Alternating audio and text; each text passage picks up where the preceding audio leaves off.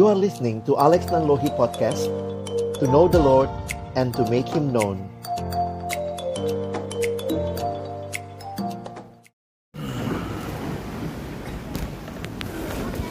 Saudara sekalian firman Tuhan pada pagi hari ini akan dilayani oleh Guru Injil Alexander Nanlohi Sebelumnya kita akan menyiapkan hati kita melalui sebuah pujian. Biarlah syair pujian berikut ini dapat menyadarkan kita dapat menyentuh hati kita sehingga kita boleh bertanya kepada diri kita sendiri apakah kita telah benar-benar mencintai Dia. Satu pujian bila kau pernah cinta Yesus.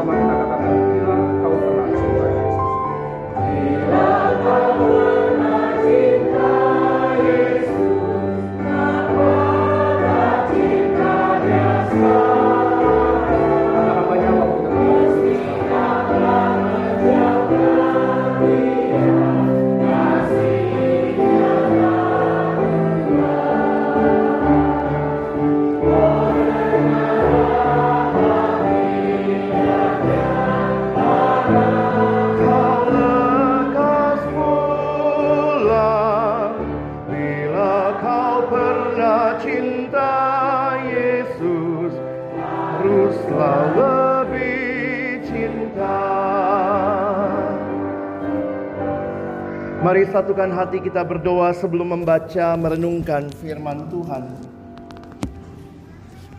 Kami akan membuka firman-Mu ya Tuhan Mohon ya Tuhan bukalah juga hati kami.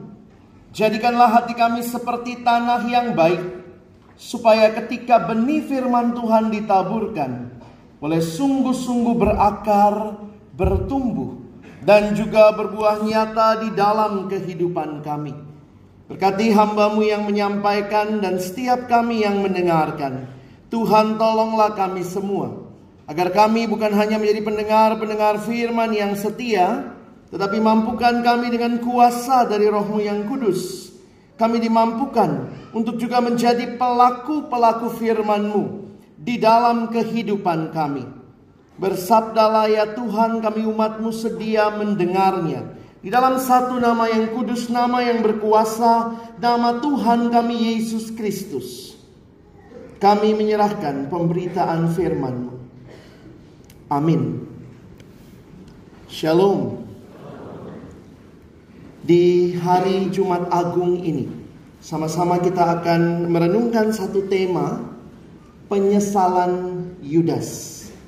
Dan mari sama-sama kita akan melihat bagian firman Tuhan yang akan mendasari perenungan kita di dalam Injil Matius 27 ayat yang ketiga sampai dengan ayatnya yang ke-10. Injil Matius pasal yang ke-27 ayat yang ketiga hingga ayatnya yang ke-10. Mari Bapak Ibu Saudara sekalian jika sudah menemukan kita akan membaca bergantian Saya akan mulai membaca ayatnya yang ketiga. Mohon Bapak Ibu Saudara sekalian membaca ayat yang keempat. Kita silih berganti hingga ayatnya yang ke-10 pada waktu Yudas yang menyerahkan dia melihat bahwa Yesus telah dijatuhi hukuman mati, menyesallah ia. Lalu ia mengembalikan uang yang 30 perak itu kepada imam-imam kepala dan tua-tua.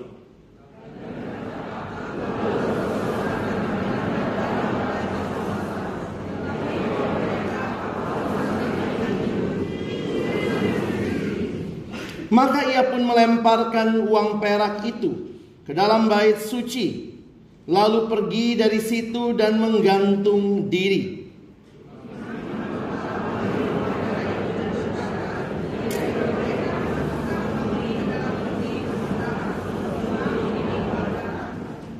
Sesudah berunding, mereka membeli dengan uang itu tanah yang disebut tanah tukang periuk untuk dijadikan tempat pekuburan orang asing.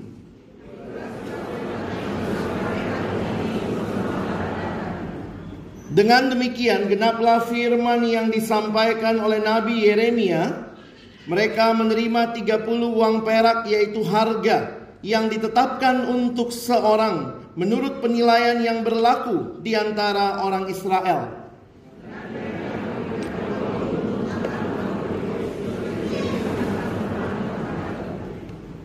Saudara yang dikasihi Tuhan Yesus Kristus, kita mengenal Yudas di dalam Alkitab kita sebagai seorang yang diberitahukan dia adalah seorang pengkhianat.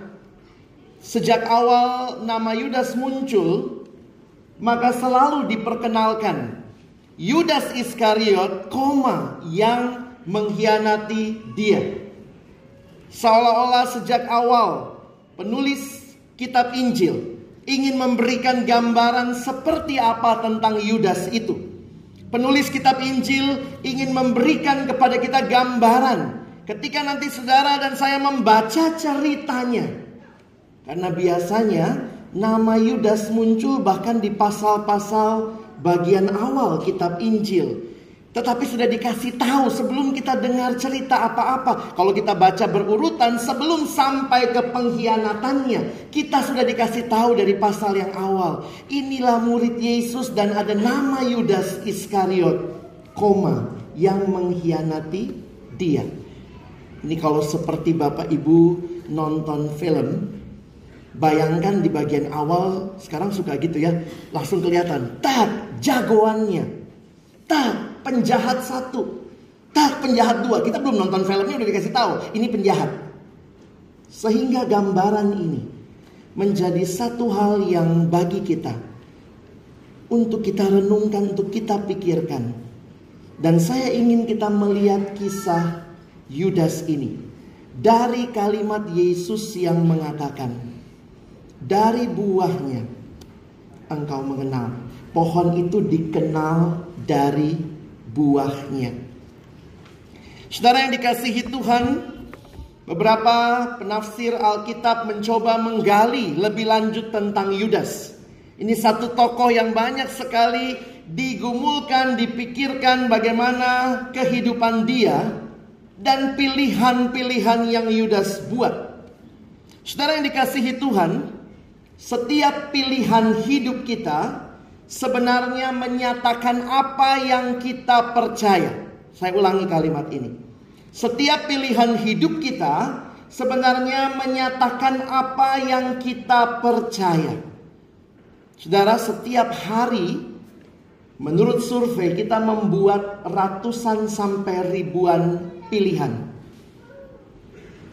Tetapi di dalam hal-hal yang sangat prinsipil, dalam pilihan-pilihan tertentu, itu sebenarnya jika kita gali lebih dalam lagi, itu menyatakan apa yang kita percaya. Dan orang Kristen sebenarnya dikatakan sangat menarik. Kita itu orang percaya. Orang beriman, orang percaya. Ada sesuatu yang kita percaya sehingga pilihan-pilihan hidup kita tergantung atau bergantung kepada apa yang kita percaya. Di dalam bahasa Inggris pun dipakai istilah belief If you believe something, lalu kemudian orang Kristen pun, orang percaya disebut believer. Kita adalah orang yang percaya sesuatu, lalu bertindak dari apa yang kita percayai. Nah, dari titik ini, mari kita lihat sebentar apa yang terjadi dalam hidup Yudas. Saudara yang dikasihi Tuhan, Beberapa penafsir Alkitab mencoba menggali apa sebenarnya motivasi utama Yudas menyerahkan Yesus. Yang paling umum yang sering kita dengar, ya motivasinya uang. Bahkan dikasih catatan di dalam Yohanes pasal 12, ketika Maria datang mengurapi Yesus, di situ dituliskan memang Yudas ini nampaknya seorang yang cinta uang begitu rupa. Waktu dia melihat minyak yang mahal itu dia berkata, "Mengapa ini tidak dijual saja lalu uangnya dibagikan?" Tetapi kemudian penulis Injil Yohanes mencatat, itu dia katakan bukan karena dia cinta pada orang miskin, tetapi karena dia sering mengambil uang yang disimpan di kasnya. Wih, Yudas bendahara, Saudara. Eh, ini bukan tuduhan bagi Bapak Ibu bendahara di sini ya. Tenang. Tapi pada penafsir yang mengatakan mungkin dari kalangan para murid Yudas yang paling terpelajar. Yang lain nelayan saudara ya.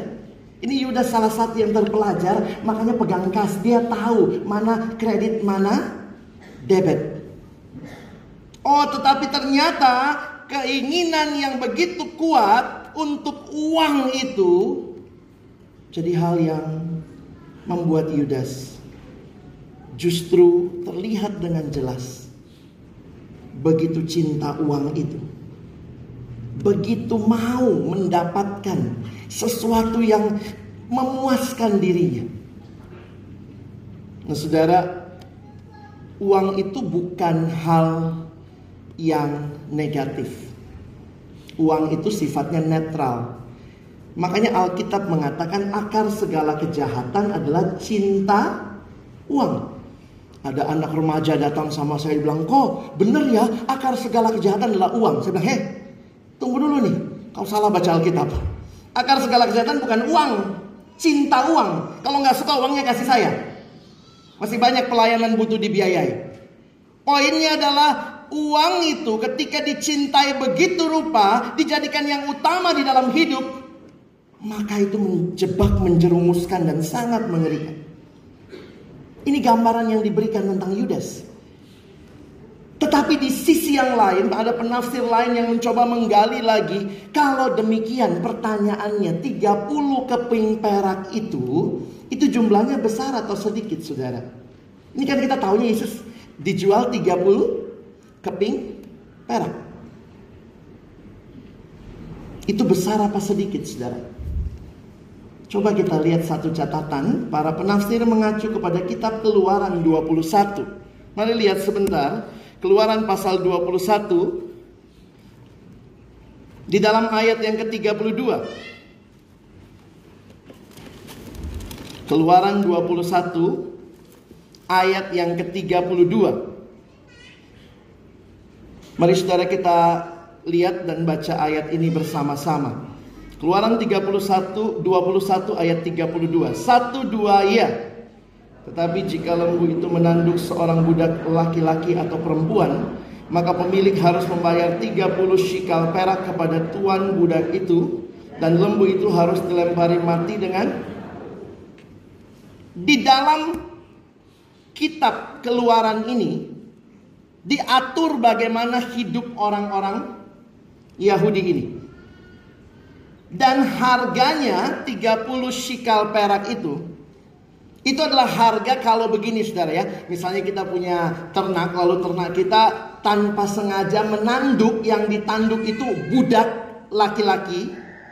Maka budak itu harus kalau dia mati ganti ruginya itu 30 shikal perak. Sehingga secara jumlah kalau Bapak Ibu Saudara perhatikan ini juga jumlah yang sangat kecil.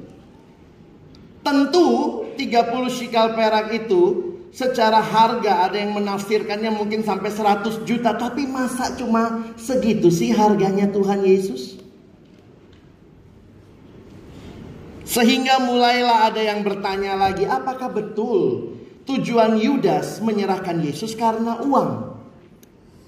Toh akhirnya waktu dia menyesal, saudara lihat ya. Kalau memang uang jadi tujuannya, kenapa uangnya dia kembalikan? Itu yang kita baca tadi. Jadi ada berbagai penafsiran yang mencoba mengerti motivasi utama Yudas apa. Apakah betul hanya karena uang? Kalau karena uang, kenapa uangnya dibalikin? Harusnya selesai itu, oh tapi kita bilang, oh karena dia menyesal. Bisa aja menyesal uangnya tetap sama dia. Tapi ini dibalikin saudara. Sehingga beberapa penafsir yang lain mencoba melihat bahwa Yudas masuk dalam satu pemahaman nasionalisme yang sempit. Dia berpikir kalau Yesus nanti masuk Yerusalem, harusnya Yesus menang di sana. Kalau Yesus menang di sana, maka Yesus menjadi penguasa, maka mereka akan mendapatkan sesuatu. Dan kalau Yudas sudah biasa jadi bendahara, kemungkinan besar di kabinet Yesus, kalau nanti Yesus mengalahkan Romawi adalah menteri keuangan. Asik ya. Jadi makanya pasti lebih banyak lagi cuannya.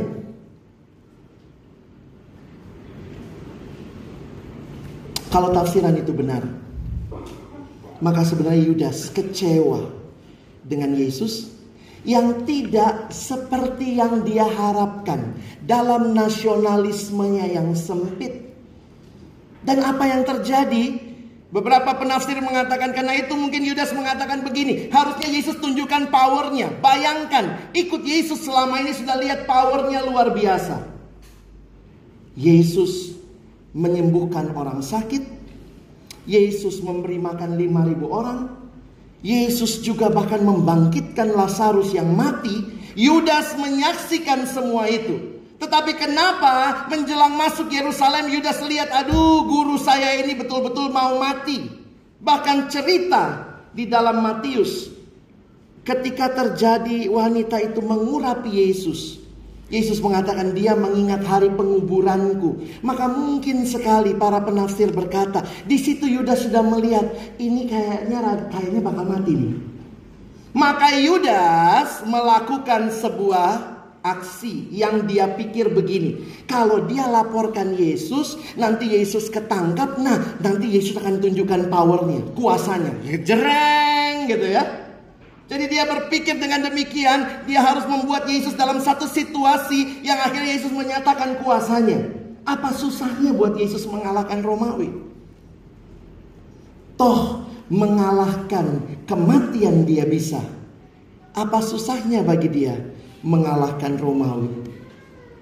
Karena itu dia serahkan Yesus. Tapi waktu dia serahkan Yesus dia lihat loh, Yesus tidak melakukan apa-apa, bahkan dia bilang ini aku. Dia ditangkap, bahkan kemudian dibawa dan dijatuhi hukuman mati. Sehingga di sinilah Yudas melihat apa yang dia pikirkan, apa yang dia mau ternyata tidak terjadi. melalui Yesus yang dia harapkan melakukan apa yang dia pikirkan. Saudara silakan mempertimbangkan dua tafsiran ini. Kalau digabung jadi lebih utuh ya. Satu sisi ada yang bilang memang dia cinta uang, tapi juga di sisi lain dia cinta yang lain lagi. Tetapi yang sangat menjelas kalau kita lihat dari pilihan dan apa yang Yudas lakukan. Pertanyaannya, apakah Yudas cinta Tuhan? Itu pertanyaan seperti lagu yang kita nyanyikan tadi. Bila kau pernah cinta Yesus, mengapa tidak cinta dia sekarang? Pilihan-pilihan hidup Yudas menyatakan dengan sangat jelas di mana cintanya, siapa atau apa yang dia sangat yakini. Saudara yang dikasihi Tuhan, penyesalan Yudas kalau kita lihat ini penyesalan total saudara ya. Dia balikin uangnya, eh waktu dia balikin dia datang ke mana? Dia datang ke tempat yang tepat. Kenapa di situ ada imam-imam? Apa tujuannya imam? Imam itu menerima orang yang mengaku dosa. Tapi lihat imam-imam yang busuk ini, imam-imam yang berkata, "Oh, sorry, itu urusanmu." Kami nggak ada urusan sama itu. Imam pun menyangkali tugas mereka. Dan di titik itulah kita melihat Yudas begitu menyesal. Dia begitu sedih dia buang uang itu, dia pergi dan menggantung diri. Para penafsir Alkitab mencoba melihat Matius 27 dalam kaitan Matius 26. Kalau Bapak Ibu nanti baca di rumah, 27 26 itu nyambung dan menarik sekali sebenarnya ada dua tokoh yang lagi diceritakan di saat-saat Yesus ditangkap. Kelihatan dengan jelas di situ dituliskan tentang Petrus, dan juga Yudas. Sehingga nampaknya penulis Injil Matius, Matius ini sedang berusaha memberikan dua gambaran kepada kita. Satu model Petrus menyangkal Yesus, satu model Yudas yang menjual Yesus. Kalau ditanya, siapa yang dosanya lebih mengerikan, saudara? Yang jual atau yang menyangkal. Saya pikir ini sama ngerinya ya. Dan saudara mesti ingat, catatan Alkitab waktu mencatat Petrus menyangkal itu menarik sekali. Dicatatnya Petrus menyangkal sampai tiga kali itu bukan begini saudara ya. Nanti baca di beberapa kitab Injil ceritanya begini. Yesus ditangkap. Lalu ayam berkokok. Ayam berkokok itu jam berapa saudara? Kalau Yesus ditangkapnya malam, Yudas menyangkal kira-kira jam berapa? Kalau kita coba runut peristiwanya, kalau Yesus ditangkap jam 10, masa Yudas menyangkal langsung jam 12? Ayam apa yang berkokok jam 12? Ayam lupa jam. Ayam nggak tahu jam itu. Kemungkinan pagi kan? Jadi berarti dari Yesus ditangkap kalau itu malam sampai pagi ini Yudas menyangkalnya di sekitar waktu itu. Sehingga ada satu bagian Alkitab yang mencatat Yudas itu ditanya Lalu kemudian dia bilang saya tidak kenal dia Lalu ditulis di bawahnya begini Satu jam kemudian Jadi Yudas itu menyangkalnya sadar saudara ya uh, Petrus maksud saya ya Petrus menyangkalnya itu sadar Jadi misalnya gini dia baru ngomong Saya nggak kenal dia Terus satu jam kemudian dia mikir-mikir Aduh kok bisa bilang nggak kenal Lalu ditanya lagi, oh ini yang bersama dia? Tidak, aku tidak kenal dia. Terus itu diam lagi saudara. Ada jeda lagi waktu. Saya pikir di waktu-waktu itu pasti bergumul sekali hatinya Petrus. Aduh kok saya bilang nggak kenal. Terus kemudian ketiga kali. Nah di saat itu ayam berkokok karena udah mulai pagi. Saya pikir ayamnya nggak nggak tengah malam gitu ya. Itu ayam lupa jam. Tapi yang menarik, jadi Yudas itu tidak, uh, sorry, Petrus tuh menyangkalnya bukan gini. Kamu kenal dia? Tidak, tidak, tidak. Itu tiga kali juga, saudara. Bukan begitu. Tiga kalinya itu ada jeda, saudara. Dan jeda itu pasti menjadi pemikiran Petrus.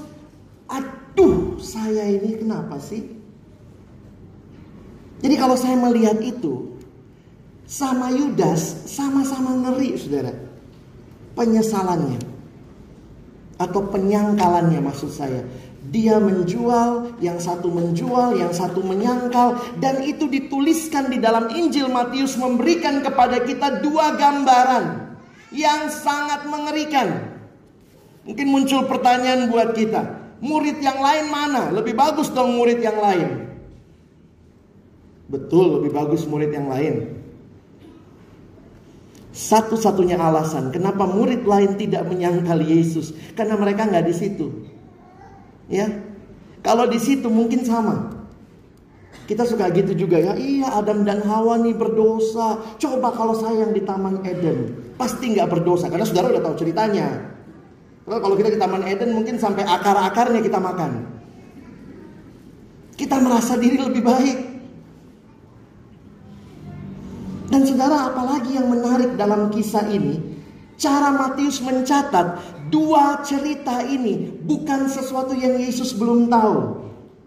Saudara lihat sebentar. Kita lihat di dalam Matius 26. Coba lihat ayat yang ke-24.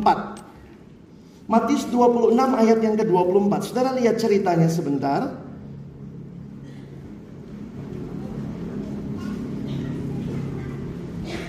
Saya baca 23, Saudara tolong baca 24 dan 25. Ia menjawab, Dia yang bersama-sama dengan aku mencelupkan tangannya ke dalam pinggan ini, dialah yang akan menyerahkan aku.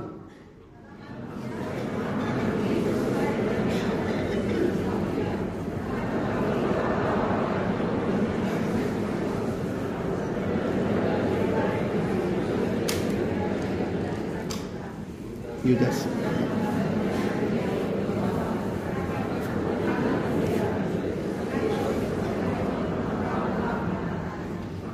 Yesus tahu Yudas akan mengkhianati dia? Yesus tahu. Perhatikan Matius 26. Dicatat di dalam ayat yang ke-34.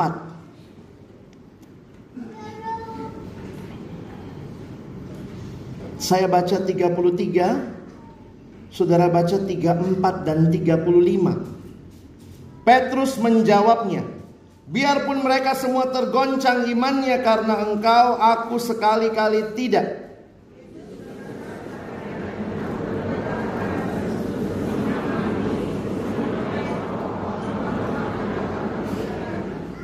Petrus kepadanya,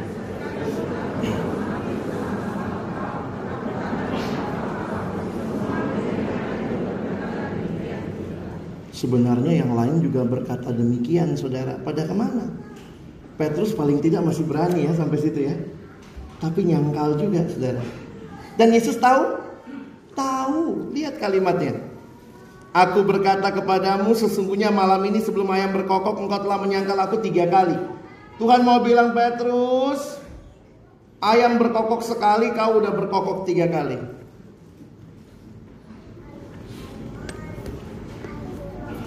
Kok Tuhan sudah tahu? Kok Tuhan biarkan? Ini kedaulatan Allah yang saudara dan saya harus sadari. Ini bukan wilayah kita mendiskusikannya. Yang kita hanya bisa diskusikan dan lihat apa yang terjadi dari dua tokoh ini. Secara tata bahasa, kata yang dipakai di pasal 27 ayat yang ketiga tadi. Lalu dikatakan menyesallah ya. Kalau saudara perhatikan di dalam ayat yang ketiga ayat pasal 27 tadi kata yang digunakan dikata menyesallah Yudas, menyesallah ia dipakai istilah ada dua istilah dalam bahasa Ibran eh, bahasa Yunani Saudara. Itu istilah yang dipakai adalah metamelomai. Ini dikontraskan oleh banyak penafsir dengan istilah metanoia. Jadi ada dua istilah, metamelomai dan metanoia. Saya pernah nanya sama anak-anak remaja di Jakarta. Kalian tahu apa itu metanoia? Serem Pak jawab, toko buku ya. Karena ada toko buku metanoia. Tetapi ada dua istilah ini yang sebenarnya kita bisa coba secara sederhana pahami begini. Metamelomai itu diterjemahkan menyesal. Sementara metanoia diterjemahkan bertobat. Repentance. Jadi yang namanya menyesal itu melibatkan emosi. Tetapi hanya sebatas itu. Saudara perhatikan sebentar, saya berikan gambarannya begini. Orang yang menyesal pasti bertobat. Tetapi orang yang bertobat belum tentu uh, orang yang sorry, saya malah kebalik. Orang yang bertobat pasti menyesal, sementara orang yang menyesal belum tentu bertobat. Nah, ini kalimat yang menarik untuk kita pikirkan sama-sama. Apa yang terjadi pada Yudas? Apakah dia menyesal sungguh-sungguh? Yes. Tetapi secara tata bahasa ini menyiratkan kepada kita tidak terjadi pertobatan. Saudara perhatikan begini. Kalau bertobat itu itu ada perubahan arah. Jadi kalau tadi saya ngadep sana, bertobat itu artinya berbalik 180 derajat. Saya tadi ngadep sana, bertobat itu berbalik 180 derajat. Jangan 360 Saudara, nanti balik sana lagi. 180 derajat. Di dalam pertobatan ada penyesalan. Tetapi yang mengerikan, sebenarnya di dalam penyesalan saja belum tentu ada pertobatan. Saya kasih contoh begini. Kalau ada seorang ibu dari rumah menuju ke pasar. Ibu ini dari rumah menuju ke pasar mau beli sayur. Sampai di tengah jalan dia sadar dia lupa bawa dompet ibu ini harus menyesal atau tobat? Ayo, Bapak Ibu. Dari rumah mau pergi beli sayur di pasar. Lagi jalan di tengah jalan, aduh lupa bawa dompet. Dia mesti nyesal atau tobat? Kalau nyesel itu begini, aduh lupa bawa dompet, lupa bawa dompet tapi jalan terus ke pasar. Aduh lupa bawa dompet sampai nangis. Aduh dompetku di rumah tapi terus jalan ke pasar. Tidak ada perubahan arah. Kalau kayak begitu mau beli sayur nanti pakai apa? Mau pakai senyum, kangkung, toge gitu. Saudara, ibu itu harus bertobat, maksudnya balik, maksudnya balik arah, ambil dompet kira-kira begitu ya. Banyak orang, saya agak takut saudara kadang-kadang mimpin KKR. Karena di KKR itu banyak yang kelihatan menyesal. Wow, sampai nangis, ingus. Tisu laku tuh kalau KKR ya. Tapi pertanyaannya, sungguh-sungguh bertobat? Oh Tuhan, kalau di gereja bisa begitu ya. Tuhan tidak lagi, tidak lagi. Keluar bikin lagi. Judi lagi, mabok lagi, tabok istri, marahin anak-anak, balik lagi pornografi. Sehingga banyak orang yang pertanyaannya yang terjadi itu per penyesalan atau pertobatan. Nah dari segi tata bahasa dua hal ini beda. Satu cuma nyesel dan nyeselnya itu bisa serius saudara, serius banget nyeselnya. Tapi Petrus pun menyesal. Tapi nampaknya dalam kita lihat sejarah hidupnya, kita lihat Petrus memilih pilihan yang tepat, yaitu dia kembali kepada Tuhan. Memang pasti ada ragunya, masih bingung. Benar nggak sih Yesus yang bangkit ini? Tapi paling tidak waktu dikatakan dia bangkit, Petrus yang berlari ke kubur itu ngecek benar atau tidak. Yudas membuat pilihan yang salah. Waktu saya coba renungkan ini, ini masalahnya di mana? Saya balik ke kalimat awal tadi. Pohon dikenal dari buahnya. Kalau itu sungguh-sungguh orang percaya, maka dalam hidupnya akan terjadi penyesalan dan pertobatan. Tapi di sisi lain, orang-orang yang tidak percaya mungkin kelihatannya nyesel dan hanya sampai di situ, tidak sampai kepada pertobatan. Kenapa? Karena pada hati yang terdalam dia tidak pernah sungguh-sungguh percaya kepada Tuhan. Jadi saudara jangan jangan kebalik lihatnya. Yudas matinya bunuh diri, oh ini dosa dia. Poin saya malah terbalik. Justru karena Yudas memang tidak pernah percaya dari awal, maka pilihan-pilihan dia termasuk bunuh diri. Menjadi pilihan yang menyatakan dia bukan orang yang sungguh-sungguh percaya. Kenapa? Karena keselamatan kita, kita terima dalam iman kepada Tuhan muncul pertanyaan, sebenarnya dosa Yudas bisa nggak diampuni? Tuhan sanggup ampuni? Oh saya yakin Tuhan sanggup ampuni. Tuhan bisa ngampuni dosa menjual dia? Ya. Kematian Kristus di kayu salib adalah kematian yang sanggup menebus kita.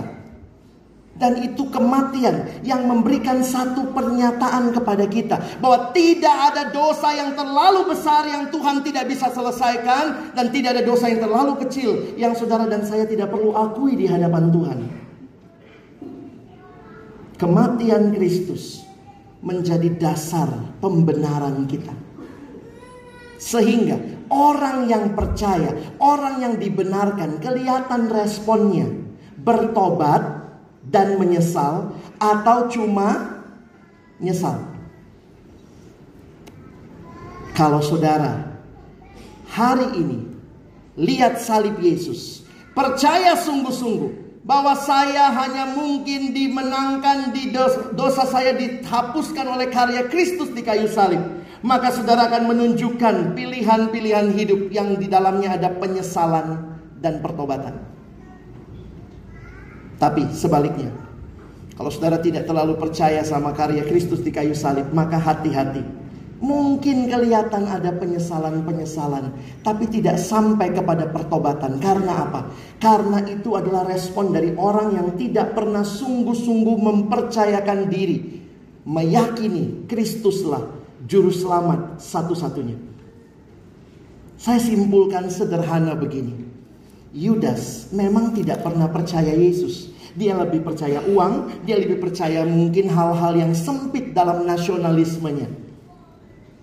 Karena itu, meskipun Yudas dekat sama Yesus, ikut Yesus ke mana-mana, tapi dia tidak pernah percaya kepada Kristus. Karena itu, hanya penyesalan yang dia tunjukkan, tapi pilihannya menunjukkan dia tidak percaya karena dia bunuh diri. Saudara dalam hidup kita, Jumat Agung mengingatkan apa yang harus kita percaya untuk pengampunan dosa kita. Di kayu salib Kristus mati. Ini menjadi tanda betapa mengerikannya dosa sampai Allah harus memberikan anaknya yang tunggal di kayu salib bagi kita. Tapi ingat, di kayu salib ini juga Begitu besarnya kasih Allah bagi kita. Sekali lagi saya katakan tidak ada dosa yang terlalu besar yang tidak bisa Tuhan tebus dan tidak ada dosa yang terlalu kecil yang saudara dan saya tidak perlu akui kepada Dia. Dia datang memberikan keselamatan itu kepada kita. Di mana Yesus bilang sudah selesai?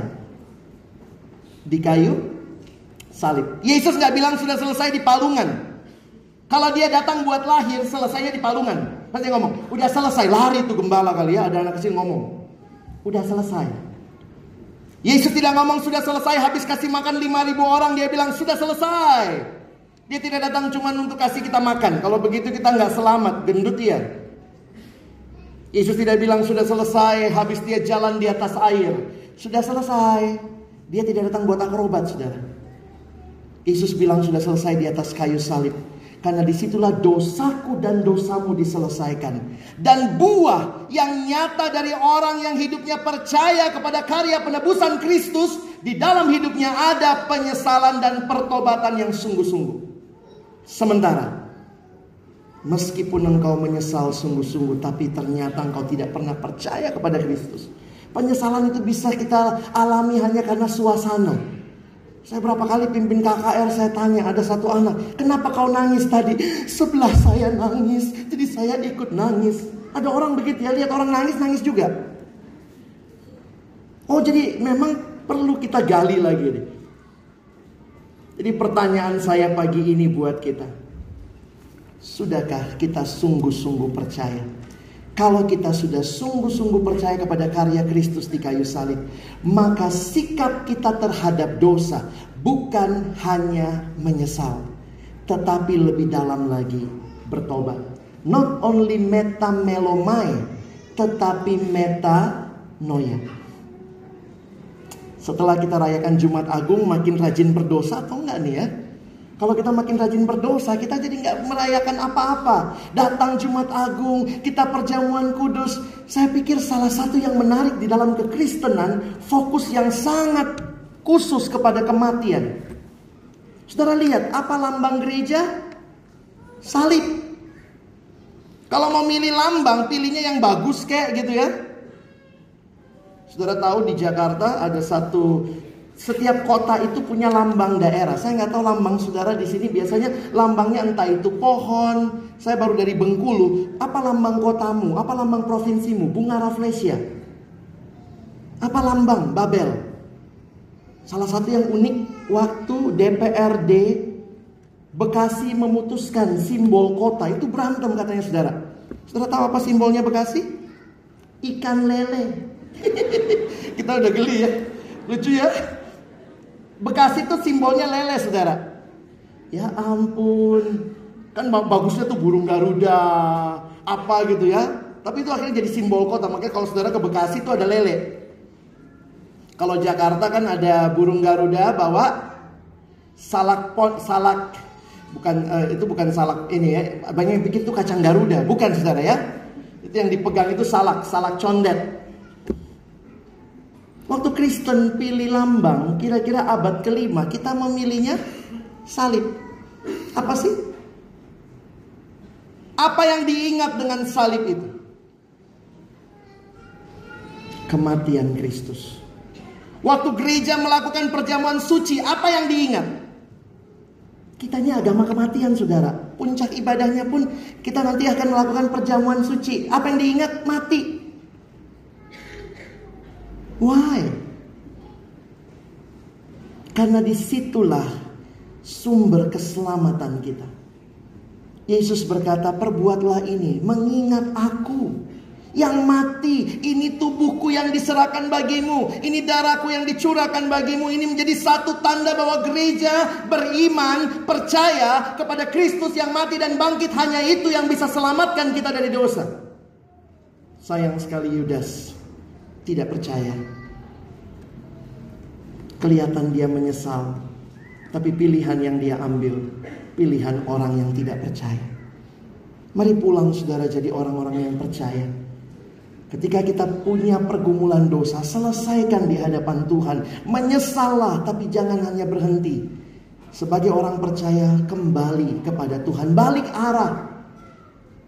Tuhan saya tidak mau lagi hidup di dalam masa lalu. Makanya saya dengar ada seorang hamba Tuhan pemuda bagus juga doa pengakuan dosanya ya. Itu doa pengakuan dosa paling kontekstual yang pernah saya dengar. Dia bilang mari kita berdoa kalau dia mulai. Tuhan kami tahu engkau Allah yang maha tahu. Engkau juga Allah atas hidup para remaja pemuda di tempat ini. Tuhan kau tahu apa isi flash disk kami. Iya benar juga. Tuhan kau tahu apa isi laptop kami. Tuhan kau tahu apa isi HP kami. Kalau semua itu hal-hal yang tidak menyenangkan hati Tuhan, tolong kami pulang dan buang itu. Berapa banyak orang yang siap HP-nya demi kemuliaan Tuhan? HP di privacy, pakai password. Kenapa? Takut banyak yang seksi. Ini hanya contoh-contoh praktis. Kadang-kadang kita hanya nyesel kalau dengar firman, iya benar tadi kata Pak Pendeta, benar tadi kata Musa, benar kata Cuantau itu ya. Tapi pertanyaannya, apa tindakan konkret kita? Pulang apa yang mau kita ubah? Pulang apa yang mau kita perbaharui? Sebagai orang percaya, biarlah jelas penyesalan dan pertobatan. Kiranya Tuhan menolong kita. Bukan hanya jadi pendengar, tapi jadi pelaku firman. Amin. Mari kita berdoa. Bapa di dalam surga Jumat Agung mengingatkan kepada kami betapa luar biasanya kasih-Mu bagi kami. Jumat Agung mengingatkan kami betapa mengerikannya dosa kami. Sebagai orang-orang yang beriman dan percaya, tolong kami hidup punya relasi yang baru dengan Tuhan dan juga relasi dengan dosa yang tidak terus-menerus menikmati dosa. Jangan biarkan kami banyak dengar firman. Cuma tahu oh itu dosa, ini dosa, tapi sebenarnya tidak pernah sungguh-sungguh berbalik arah. Kami mohon hari ini Tuhan setelah kami dengar firman-Mu. Kami diteguhkan lagi akan karya kasih-Mu bagi kami di kayu salib. Biarlah ada tindakan-tindakan nyata. Kalau kami dulunya pemarah setelah kami boleh mengalami karya kayu salib itu. Kami boleh tinggalkan kemarahan itu. Kalau kami dibelenggu oleh pornografi maka Tuhan tolong kami tinggalkan pornografi. Tuhan kalau kami dibelenggu oleh sakit hati, Tuhan tolong kami tinggalkan sakit hati. Sehingga yang terjadi bukan sekedar kami tahu kami nyesal di tempat ini. Tapi dalam hidup kami Tuhan benar-benar ada perubahan hidup. Karena karya roh kudusmu yang memimpin kami. Menyesali dosa. Dan berbalik dari jalan kami yang jahat. Tuhan tolong kami. Pada akhirnya bukan cuma jadi pendengar-pendengar firman. Mampukan dengan kuasa rohmu yang kudus kami menjadi pelaku-pelaku firman di dalam nama Tuhan Yesus Kristus yang mengasihi kami, yang mati bagi kami. Kami sudah berdoa dan bersyukur. Amin.